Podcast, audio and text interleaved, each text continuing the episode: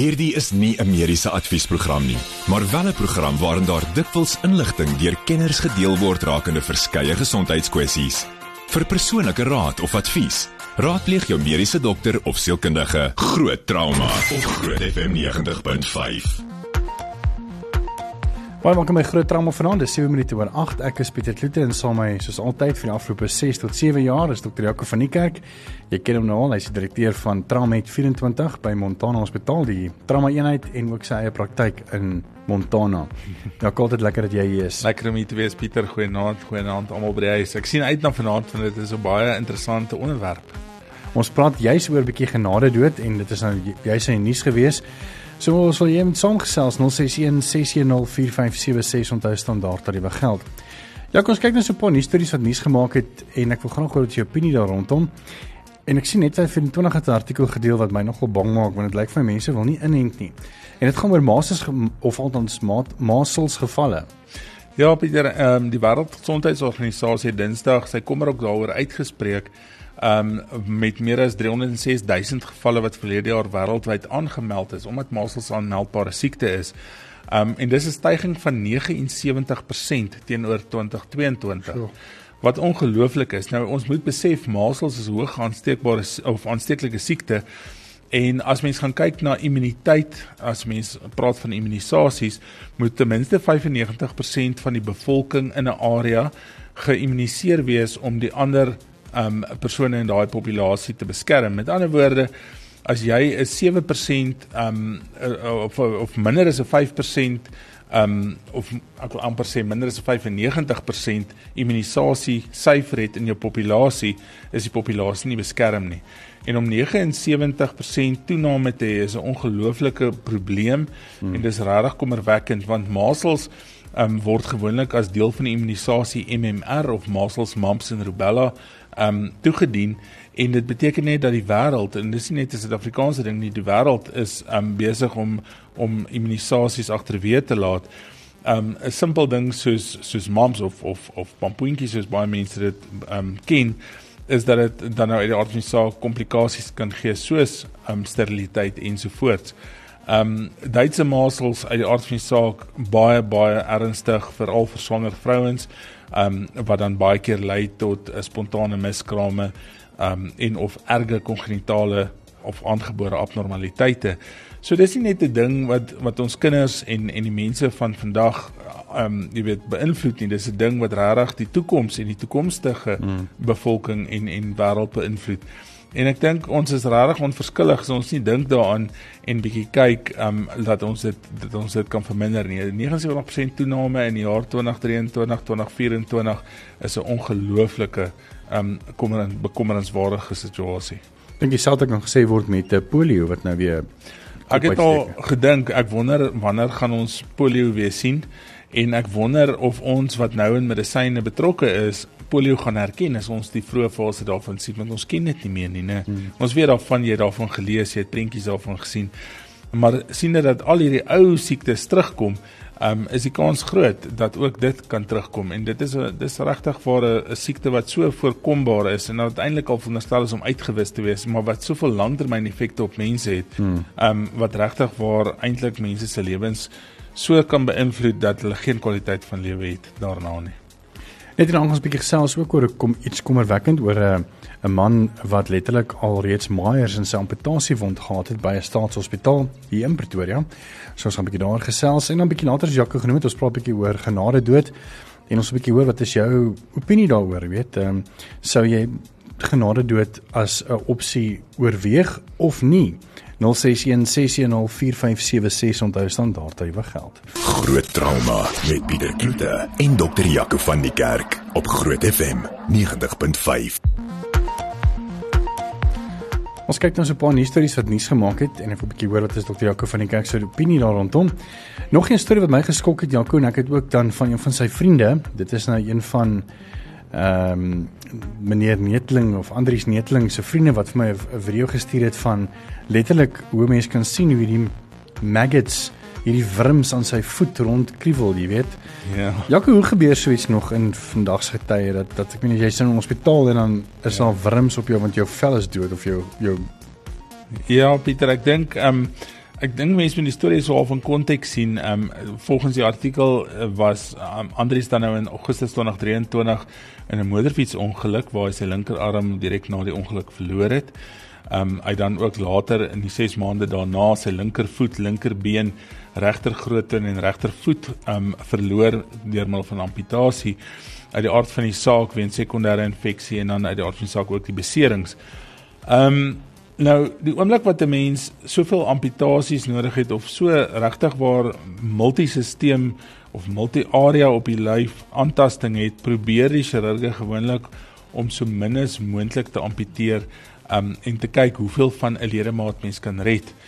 Um dit gebeur soms dat die weefsel net waar mens dan daai amputasie stomp of die die toewerk gedeelte van die amputasie, um by daai amputasie stomp kan die weefsel doodgaan um weens swak bloedvoorsiening en daai dooie weefsel is dan die bron van voedingsstowwe vir goed soos Myers. Hmm. Um Myers as sulks is uit die aard van die saak nie altyd 'n probleem nie. Mense kry mediese graad Myers wat spesifiek geteel word om wonde te debride of skoon te maak. Sure. Um dit is uit die aard van die saak baie duur behandeling en hierdie Myers word baie keer ingevoer plastiese chirurge is baie keer lief daarvoor om dit te gebruik omdat maaiers nooit lewende weefsel sal sal eh, jy weet verteer en, en eet nie maar net dooie weefsel. So dit is 'n baie goeie biologiese manier om wonde skoon te maak. Hmm. Hierdie geval is bietjie anders in terme van ehm um, uit die aard van die saak het hy dan nou pyn ervaar, die pyn wat hy ervaar het waarmee hy dan nou na 'n wondsuster toe gegaan het was dan nou dat die die weefsel waar hulle die amputasie gedoen het dood gegaan het. Hy sê sy regtervoet het um ondraaglike pyn gehad en die wond het 'n slegte reuk gekry en hy's meegedeel dat die vel om sy wond dan nou afgebreek het en hy moet terug gaan hospitaal toe. Um met die um, oopmaak en met die amputasie was daar dan nou hierdie maaiers in sy wond wat beteken maar net dat vliee en ander insekte dan kan eiers lê in jou in jou um, verbande um, en daai eiers sal uitbroei en daai maaiers sal jou dooie weefsel vreet. Dis nie noodwendig dat dit 'n slegte ding is in terme van dit gaan jou nou skade berokken nie. Dis net 'n baie grillerige besigheid. Ehm um, ons sien baie daarvan in die staatsopset of ons het en toe ek daar was jare terug veral met die diabetes wat se voete so doodgaan dan die maaiers ook ehm um, jy as jy oopmaak dan is daar net maaiers meer maaier as voet oor. Ehm um, die groot ding is ons het hulle maar skoon gemaak en dan gaan opereer jy hulle. Ehm um, dit is 'n jong persoon so jy probeer soos ek sê letterlik om die ledemaat tot die maksimum te beskerm en en te bewaar. Maar dit is soms so dat jy te min amputeer op een slag omdat jy probeer om die ledemaat soveel as moontlik te bewaar en dan gaan hierdie gedeelte dood. So ek dink ja, dis 'n baie slegte ding. Ek sien die ouers wil ook dan nou antwoorde hê en die dokters het aangevoer dat dit maar nie 'n noodwendige bron van kommer is nie, maar 'n natuurlike gebeurtenis en dit is so. Soos die ouers sê, hulle wil weet of die Myers deel van die behandeling is en dit is dis uit die aard van die saak nie so nie. maar ehm um, dis nie noodwendig dat hy nou 'n sistemiese infeksie gaan kry as gevolg van die Myers nie. Die groter krisis is dat die wond se se weefsel dood gegaan het. En dooie weefsel um, en dooie vel en dooie spier um stel toksine vry wat eintlik die hele liggaam kan aantas. So dis baie erger as om die maaiers te, maar dis nog dit bly 'n dit bly 'n grillerige besigheid.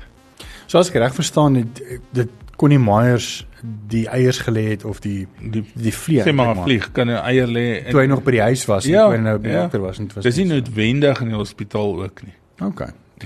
Ja, jy kan die storie gaan lees dis op netwerk24.com. Het jy nog selfs ek en Jaco en ons het ook 'n gas uh Dani Denison, hy's van Lewende Woord. Ons gaan 'n bietjie gesels oor 'n baie moeilike onderwerp. Ehm um, want daar's natuurlik weer twee kante en uh nie een van die twee is verkeerd nie. Jy weet so ons ons luister na albei kante. Maar ons wil by jou hoor, wat dink jy van genade dood? Is is iets, is dit iets wat jy dalk sal oorweeg eendag of is jy heeltemal gekant daarteen? Ons wil graag hoor 061 610 4576 en onthou standaard tariewe geld. Met die volgende program bo Groot FM 90.5 om jou as luisteraar met die nodige inligting oor 'n spesifieke onderwerp te voorsien. Alhoewel hierdie inligting dikwels deur 'n kenner op die gebied gedeel word, word jy aangemoedig om jou mediese dokter of sielkundige te besoek vir persoonlike advies of raad. Groot trauma op Groot FM 90.5.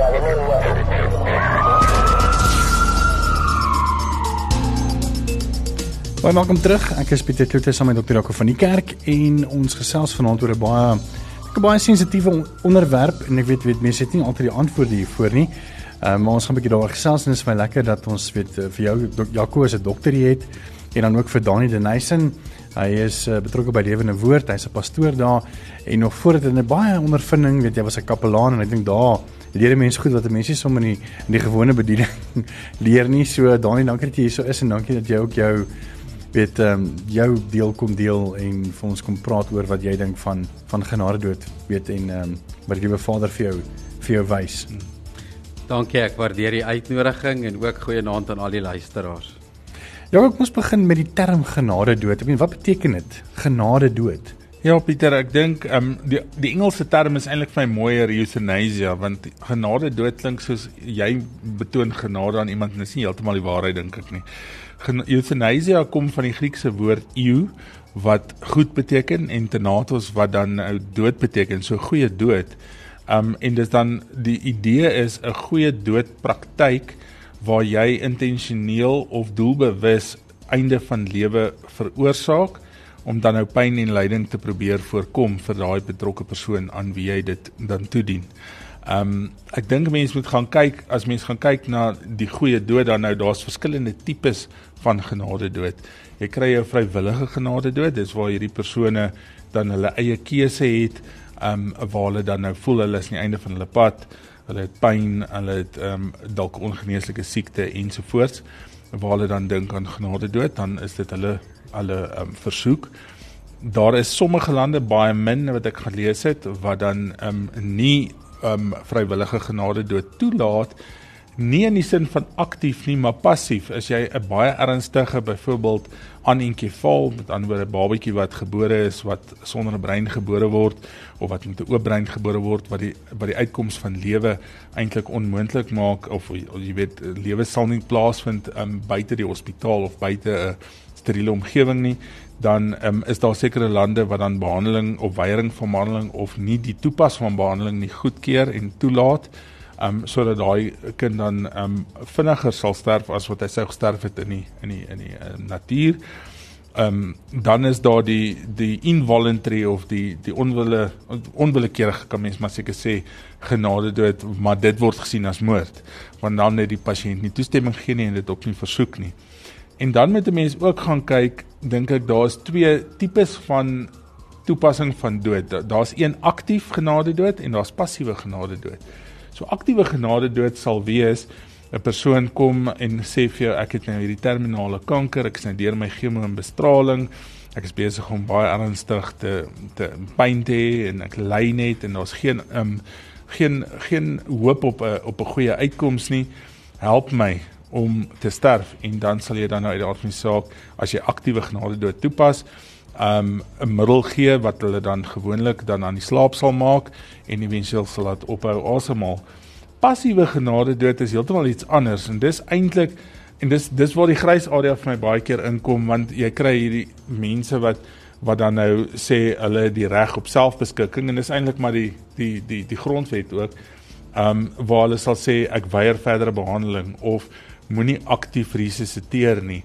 Um of sekere behandelings mag jy nie doen nie en ons moet toestemming hê vir behandeling teenoor 'n pasiënt. Ek mag nie noodwendig 'n pasiënt behandel teen sy wil nie, want anders rande kom aan eintlik, né? Hmm.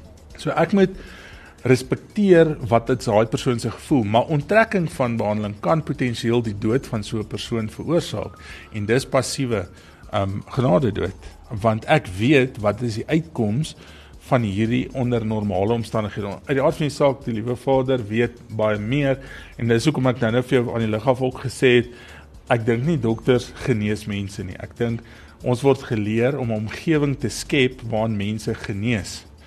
Maar ons is nie die geneesheere nie. Ons is nie, ons is net daar om die die die tool te wees hmm. om die omgewing te skep daarvan.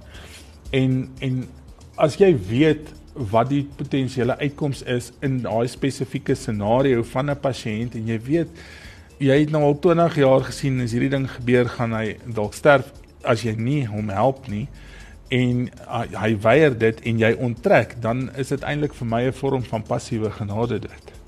So, ja, ek dink in kort is dit dit. Ek dink ons gaan gou vinnig 'n breek vat. Ek gaan net op een of twee van die kommentare lees wat alreeds deurgekom het en jy is welkom om saam te gesels vanaand. Ons WhatsApp nommer is 061 610 4576. Onthou standaard dat dit geld en lig vir ons jou opinie wat jy dink oor hierdie hierdie onderwerp en dan net hierna gaan ons 'n bietjie gesels met Dani en 'n uh, bietjie meer by hom uitvind wat hy dink. Ehm um, is iemand wat sê uh, net vanaand loer wie is dit? Ehm uh, maar net wat sê vir genade dood. Hoekom raak 'n persoon soveel pyn en lyding deurgaan as hulle in elk geval gaan sterf?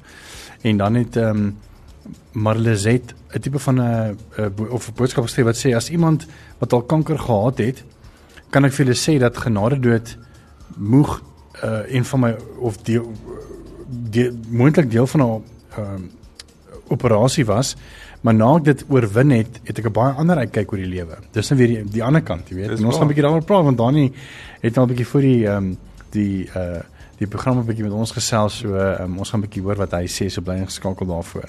Groot trauma met Pieter Kloete en dokter Jaco van die Kerk op Groot FM 90.5.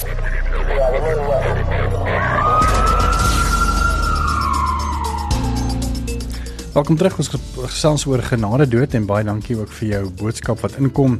Ek gaan dit binnekort deel. Eers Dani oor na jou toe, weet die Bybel leer vir my en ek is nou maar die leek hierso dat ehm um, weet as jy wil selfdood pleeg, dan is dit eintlik 'n sonde. Weet jy, mens kyk na Judas en so.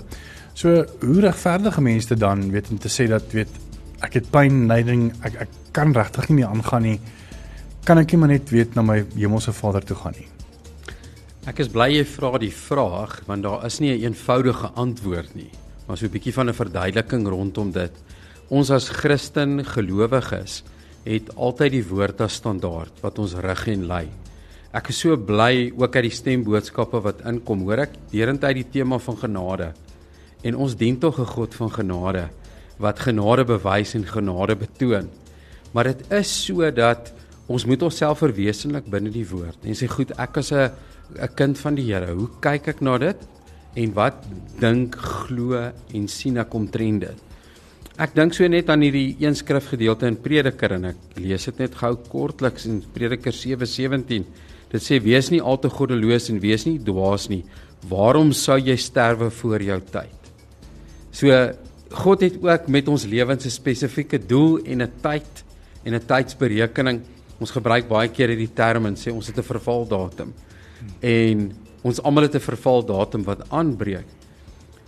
Ongelukkig het ek nou nogals heelwat te doen gehad al met dood en mense wat afsterf, maar ook so met lewe en genesing en herstel, die ander kant ook van dit.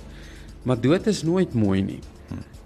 En dood is is 'n stryd om na dit te gaan, in dit te gaan en deur dit te gaan. Dit gaan nie met 'n groot gemak gepaard nie.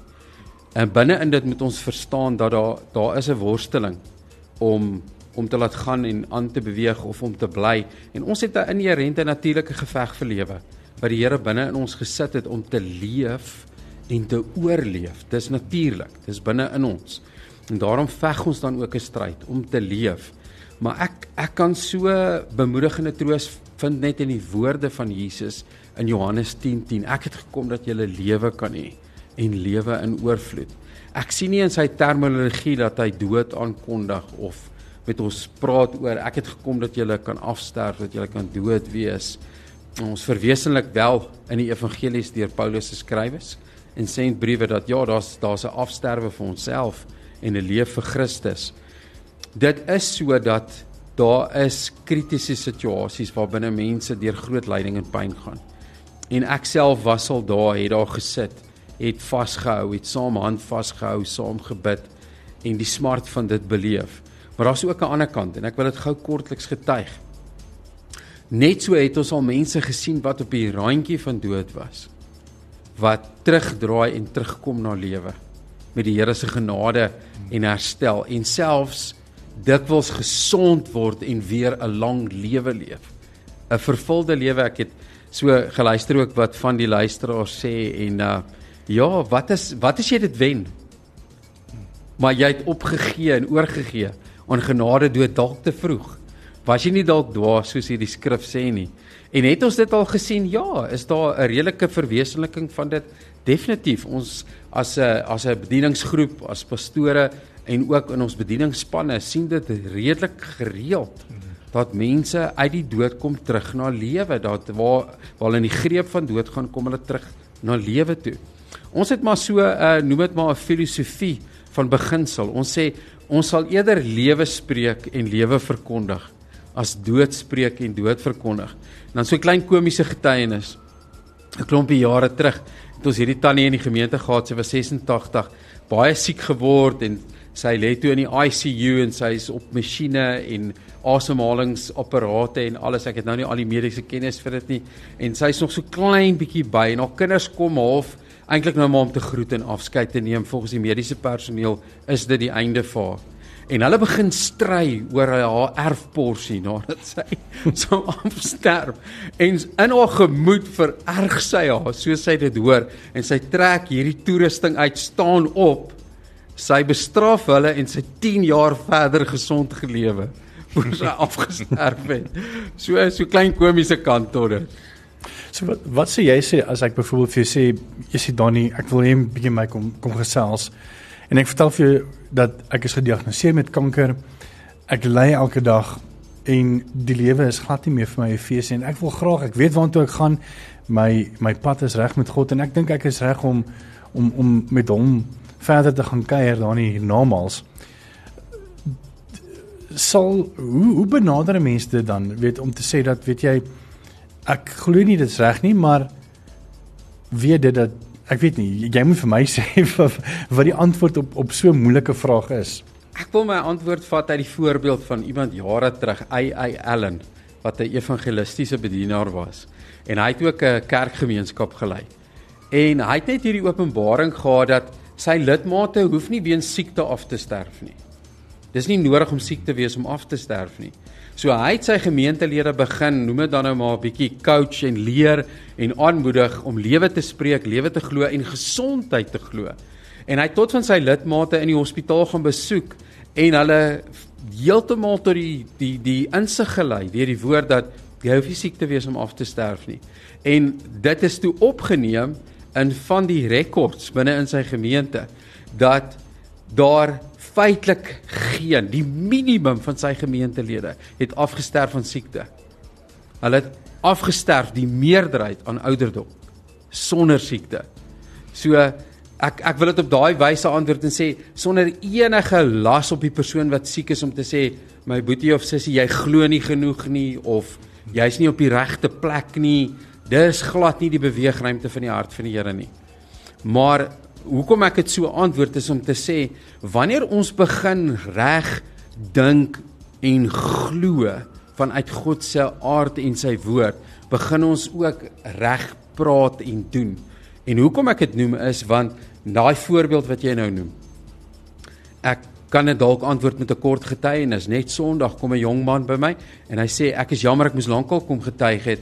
5 jaar gelede het ons saam gebid vir my vriend wat van fase 3 kanker op pad was na fase 4 en baie siek was en die behandeling het ook nie regtig enigstens gewerk nie. En ons het ge, gebid oor 'n tissue en saamgestem en hy het dit vir sy vriend gevat en hy het begin op dit slaap in sy kopkussing. Hy is genees en gesond tot vandag toe. Met blakende gesondheid. So daarmee sê ek nie die persoon wat sê Jesus ek ly en ek gaan deur hierdie ding. Daar's nou 'n groot las en verantwoordelikheid op jou om te sorg dat jy gesond word nie. Maar tog as ons begin reg glo volgens hoe die Here glo en dit sien is daar 'n plek waar binne ons kan van siekte beweeg na gesondheid van dood na lewe. En dan sê ek ook daar's ook 'n genade binne in dit. En dit het ek ook al gesien. En is Dis snaaks dat dit nou in die laaste 2 weke hierdie twee spesifieke getuienisse is, maar bietjie meer as 'n week gelede word ek geroep om saam met familie te bid wat se pa 'n uh, 3 'n strokes gehad het, beroertes. En hulle is is hartseer en gaan deur hierdie hierdie stryd rondom dit en ons het bietjie deel van die evangelie en saam bid ensovoorts saam met hulle en hulle pa en ons sien dit hoe gaan dinge regtig erger. En hy is in 'n lyding. En binne in dit ervaar ek net hoe die Heilige Gees sê bid vir genade dat hy nie verder ly nie. En die volgende oggend, laatoggend is hy oorlede. sonder enige verdere leiding. Beteken dit ons bid mense dood? Nee. Ek wil asseblief nooit bid vir iemand om dood te gaan nie. asseblief nie. Maar kan ons die Here vra vir genade? Ja. Kan ons hom vertrou dat hy help met genade en genade gee dat as iemand nie meer die die ywer en die krag het om voort te leef as gevolg van hulle siekte, dat daar dan genade is dat hulle sal gaan na die Here en nie verder sal hard aankleef binne in daai seer en pyn nie. So dis dis die die twee kante van dit. Net nou gaan ons uh, hoor wat sê Elsabie, daai dankie vir jou stemnota en ook met blikkies. Baie dankie dat jy ook saamgesels blikkies. Ons gaan jou ehm um, stemnota ook deel en dan ek weer 'n bietjie by Dr. Jaco van die kerk stil staan oor hierdie. En as jy wil saamgesels, jy meer as welkom. Ehm um, dankie Gordon dat jy ook eh, 'n uh, boodskap gestuur het 061 610 4576 onthou standaard tariewe geld. Groot trauma met Pieter Kloete en Dr. Jaco van die kerk op Groot FM 90.5. Dis lekker dat jy saamgesels. Ons praat oor genade dood. Iemand wat anoniem bly sê genade dood, as ons dan nie met die lewe moet of as ons dan nie die lewe moet neem wat jy moet wag vir jou tyd. Waarom hou ons dan mense kunsmatig in die lewe met ander onnatuurlike middels? Is dit nie dieselfde of soortgelyk nie? Ons stry, ons is ons stry ons nie teen die tyd nie. Dis nogal 'n baie interessante ehm uh, terugvoer Ek persoonlik dink dat elke ou het sy eie opinie oor genade dood. Al wat ek vra is: het jy al ooit langs iemand vir wie jy ongelooflik liefgehad het soos jou vader gesit en daardie persoon gaan nie dood en gaan nie dood en gaan nie dood en gaan nie dood dat op jou niks niks van sy lyfie oor is nie. Maar sy verstand is helder. En sy verstand wys vir jou sê vir jou help my asseblief. Dat jy weer daai persoon genooit opkom nie.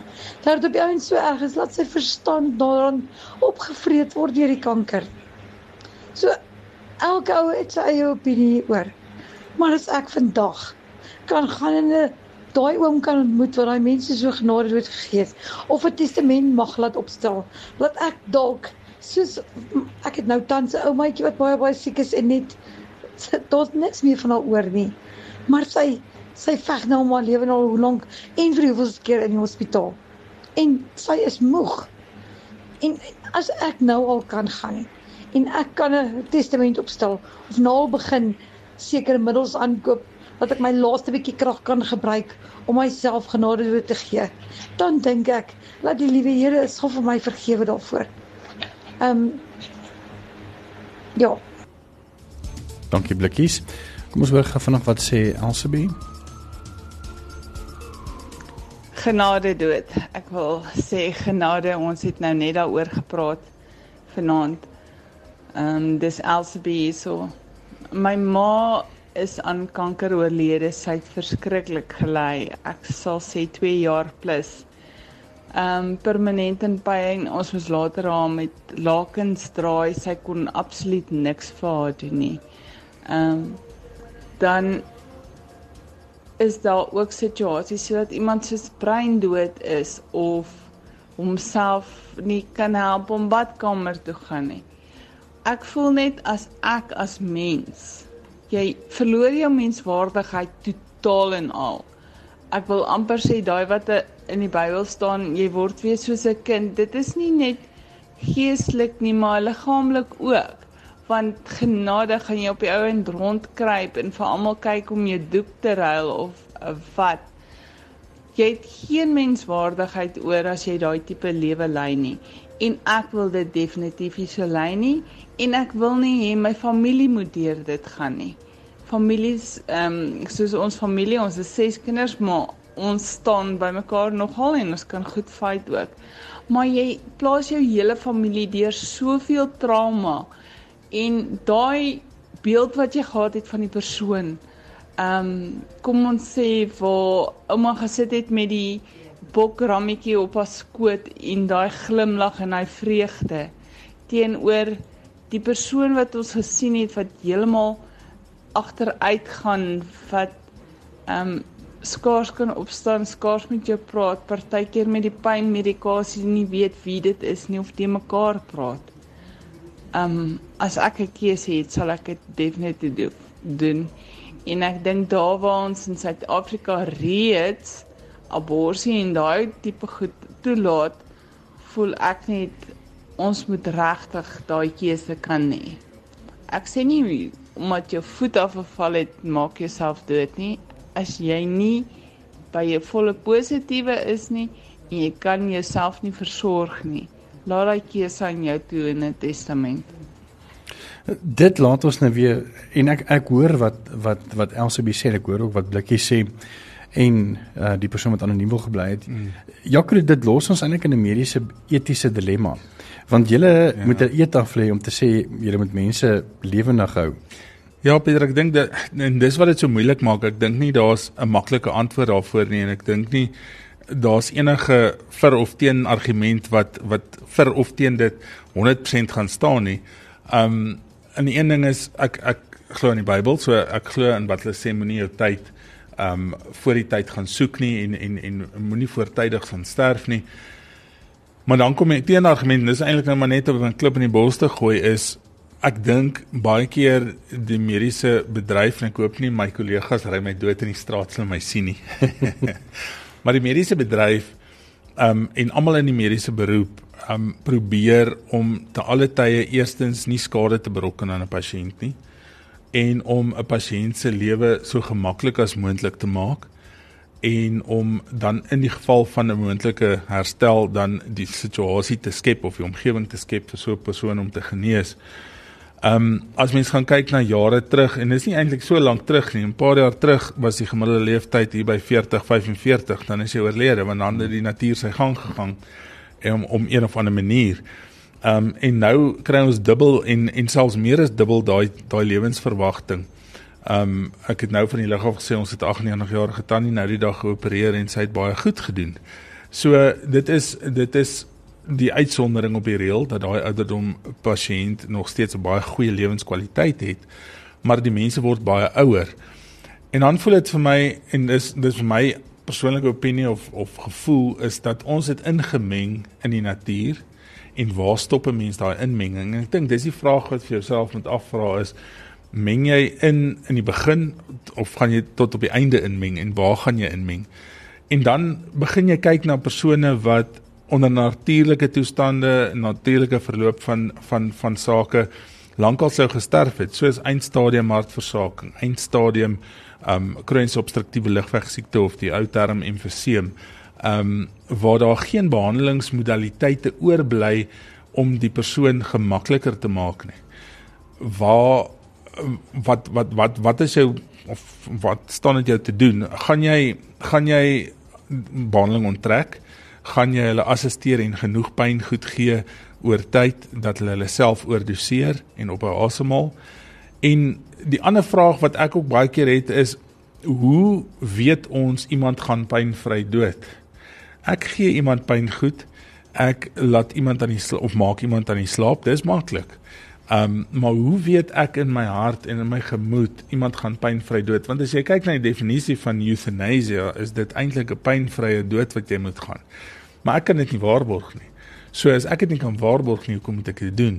So dit dit gaan beide kante toe. Ek dink aan die een kant daar's plek vir geassisteerde dood in terme van onttrekking van behandeling op 'n sekere tyd en ek dink dit is 'n baie moeilike definisie van wanneer daai gaan wees en ek dink dis hoekom dit in baie lande nog nie aanvaar word nie want daar's tye waar enige modaliteit wat jy kan gebruik net nie meer effektief is nie en die persoon net ly en dan die die die gevalle waar soos ons nou nou gesê die mense het kanker en oorwin dit ja dit gebeur mense het ernstige ongelukke is maande en dan kom maar word wakker en in en lewe kwaliteit lewe dit gebeur en 'n mens moet daai ook in ag neem in hierdie in hierdie keuse.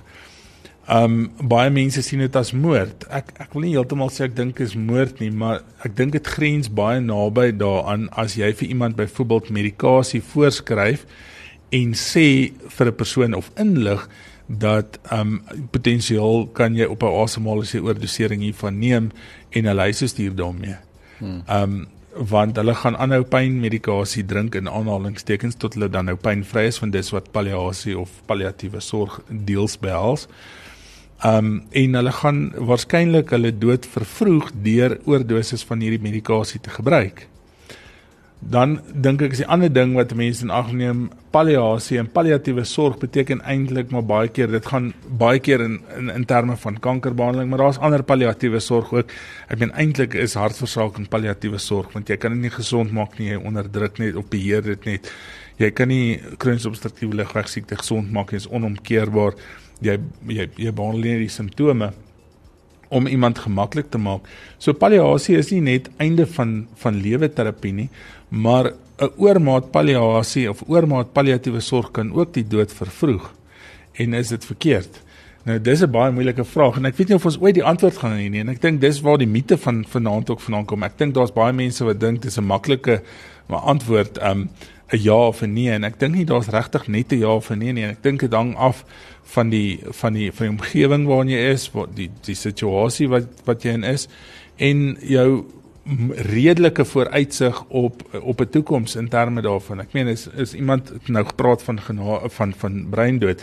Ek meen dit is 'n onomkeerbare ding en dit is dis daarom nou al baie mooi um gedefinieer en jy kan 'n EEG doen en al hierdie goed en, en ek dink as iemand breindood is, is hy ook nie meer daar nie. Die feit dat hartklop beteken nie hy lewe nie. Um maar moet jy dan streef na asemhaling en hartklop? of moet jy streef na groter of hoër geestesfunksie en dis die vraag. Kom ons sluit af um, met hierdie gesprek. Ehm um, Daniel, as jy dalk miskien vir ons se laaste wyse woorde wil gee oor hierdie onderwerp. Ek sal dit eenvoudig opsom as in alle omstandighede wat ook al die uitdaging is en die hartseer binne en dit is hou aan lewe kies en lewe spreek. En en soos dit mooi verduidelik is ook deur Jaco vanaand. Ehm um, sien binne in dit dat daar is genade binne in God en in die beweging van dit wat hy doen binne in 'n mens se einde ook van jou lewe. Maar ek dink nie ons het 'n konkrete konklusiewe antwoord direk nie behalwe my laaste aanbeveling en raad is is bly by die Here se hart en rig jou tot sy woord. Wat is die oortuiging van sy woord in jou hart? Amen. Dis Daniel Denison, hy is van Lewende Woord en hy het ook saamgesels oor uh, van ons onderwerp genade dood. Dankie ook vir Dr. Jaco van die kerk uh, vir jou insette vanaand. Hierdie potsending gaan so teen die einde van die week op ons webblad wees, so as jy dit graag aan vriende en familie wil deel, is jy meer as welkom. Groot trauma met Pieter Kloete en Dr. Jaco van die kerk op Groot FM 90.5.